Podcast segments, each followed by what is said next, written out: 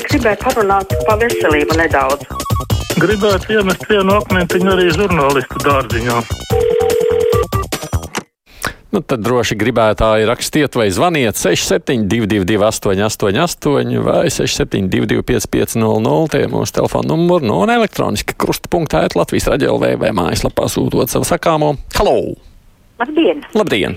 Es gribētu dzirdēt jūsu skaidrojumu. Kāpēc diktori tik ārkārtīgi ātri lasa ziņas? Nu, tas ir tā, ka domā, ka vispār knapi aptvert var. Nu, es uzskatu, ka es esmu pie skaidras saprašanas un dzirdu, bet tas ir viens brīdis, un trijās minūtēs ziņas ir nolasīts. Pēc tam nāk sporta ziņas, nu tās normālākā nu, balss ir lasa, bet ziņas vispār iespējams. Un tad deviņos saka, būs vienkāršotā valodā. Tā jau nav vienkāršot valodas, vienkārši normāli lasīt.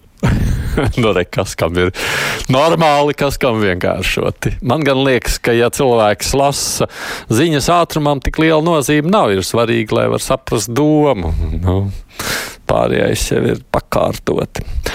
Pasūtīja apmaksā internetā leduskapi, raksta mums Ilze, piegāda kavējas jau nedēļu.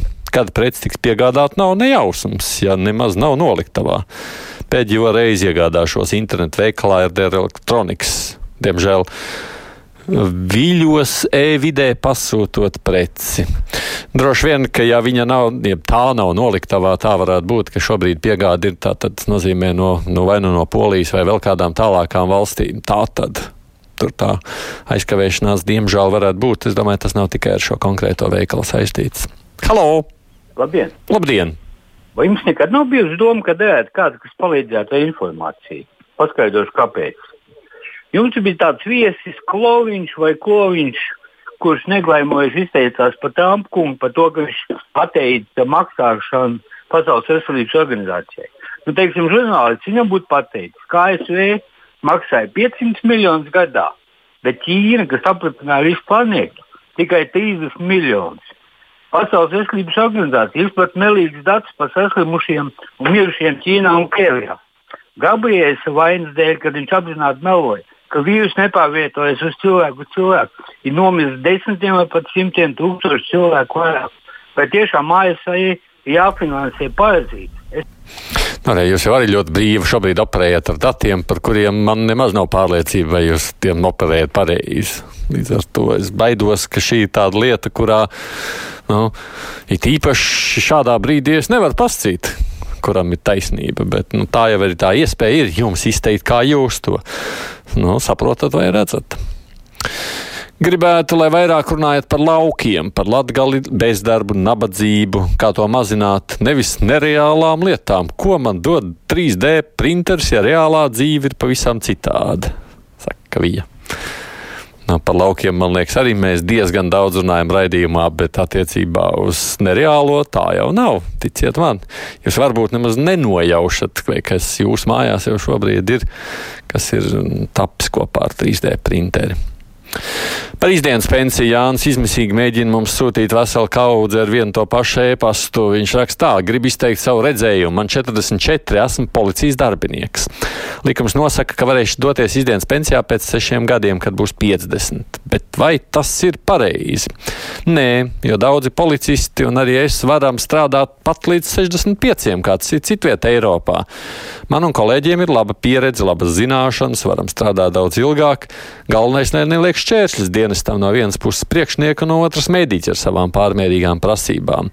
Diemžēl Girģēna kungs rīkojas kā populists negrib domāt valstiski, bet populistiski, un tas kaitē Latvijai un tās drošībai. Vēl mazliet garāk vēstuli. Paldies, Jānis. Es domāju, šis temats ir, kurām mums noteikti pieķersimies klāt. Halo! Labdien! Labdien. Gunārs no Rīgas. Jā, Tā Gunār. kāds populāri žestu valoda. Mēs pensionāri atceramies, ka savā laikā viņi jau tur žmoniku spē, spēlēja ar mūsu pensijām. Pēc tam viņa parādīja pirkstu tautai televīzijā. Nu, kad viņa me- mediķiem parādīja piglu attiecībā par algām. Nu, ko mums darīt tagad, kad būs balsošana? Nu, jūs jau par viņu nebalsosiet. Tas ir skaidrs. Tik daudz, ka jūs interpretējat žestus pasaulām. Mm, ļoti patika piekdienas brīvais mikrofons ar baibu Sipenieci Gavāri un Arni Krauzi. Ļoti viegli, nepiespiesti un ar humoru. Paldies abiem, Ekstrozentāla kungs. Nu, redz, kā ir. Es nogulēju, es jau gribēju ar baibu Sipenieci aprunāties ētrā, bet, redz, Ārnis paspēja manā vietā. Arī Vita Zalmans kundze raksta, ka bija ļoti izcils raidījums jums ar Baibu Sipenieci. Daudzas mūsu zvaigznītes varētu no Baibas mācīties, kā runāt brīvi, nebaidoties un nelaipojot. Halo! Sveicināti! Sveicināti! Bordāna šorīt no rīta es tā čakli klausos, man ar uzturu viss ir kārtībā. Ne, nešķiet ne pa lēnu, ne pa ātru tās ziņas. un tad Bordāns teica tādam, kādai saimām ministru kabineta čakli strādāja un, un produktīvi. Iespējams, ka tā ir, jo tik īsā laikā dalot pa kreisi un pa labi simtiem miljonu. Tas nav viegls darbs, tā nav joka lieta. Toties medicīnas darbiniekiem mūsdienās slimnīcā par strādāšanu paaugstinātas bīstamības apstākļos uzsveru. Piemaksa 5,60 eiro mēnesī. Nu, varani Un es tā domāju, ar ko gan un kad beigsies tās dzīves mēra laikā. Gribētos vēl, vēl par to, bet to citreiz par to bandaru, pa viņa sāgu. Nu, ziniet, mēs taču esam Eiropā. Nu, mēs taču neesam kaut kādā Meksikā. Es, ne, es nezinu, kur. Mēs taču dzīvojam Eiropā. Paldies, Tomson kungs! Mm. Paldies! Droši vien, ka par jūsu piemaksu mediķiem būtu jāprecizē precīzāk, par ko ir runa šajā konkrētajā gadījumā, bet laikam jau arī rīt, zināmā mērā, temats tiks turpināts. Tā kā klausieties, kurš punktā rīt. Olga prasa, kas ir Latvijas radio galvenais redaktors un kas viņu ievēlē vai ieceļ. Nav Olga šobrīd tāda. Tā ir tā lieta, kas, acīm redzot, ir paredzēts vēl kā jauns, un tad tas nākotnē būs, bet šobrīd eh, mums ir valdes locekli, kas atbild par saturu tāda tā situācija radio. Halo! Labdien! Labdien. Klausos, ka tagad Rīgā pensionāriem atkal būs atlaides braukšanai sabiedriskā transportā. Mm. Bet, kad pienāks reize Latvijas pensionāriem tādi laiki, kad visi Latvijas pensionāri varēs Rīgā ar atlaidēm braukt. Jo mēs arī gribam kādreiz Rīgā mazliet lētāk braukt. Paldies! Nu, kamēr nebūs speciāls status Rīgai, kurā nu, arī acīm redzot par sabiedrisko transportu atbild ne tikai Rīgas doma, tikmēr jau tur nu, nekas nemainīsies. Martins no Air Baltica pukojās Igauniem, ka šie nevīžu atbildēt pat uz Air Baltica vēstuli. Nu, ko Mārtiņš tā ir klubiņā, jo arī man pirms vīrus Air Baltica pat neapstiprināja, ka saņēmuši vēstules biznesa klienta ēpastu. Tā kā varam abi justies kā niecības, kur nevien es bet arī Mārtiņš ar visu ēru var palikt bez pieklājīgas atbildes. Man sūdzās, ka nav saņēmis atbildi. Es uh, nevarēšu droši vien neko vairāk arī šeit komentēt.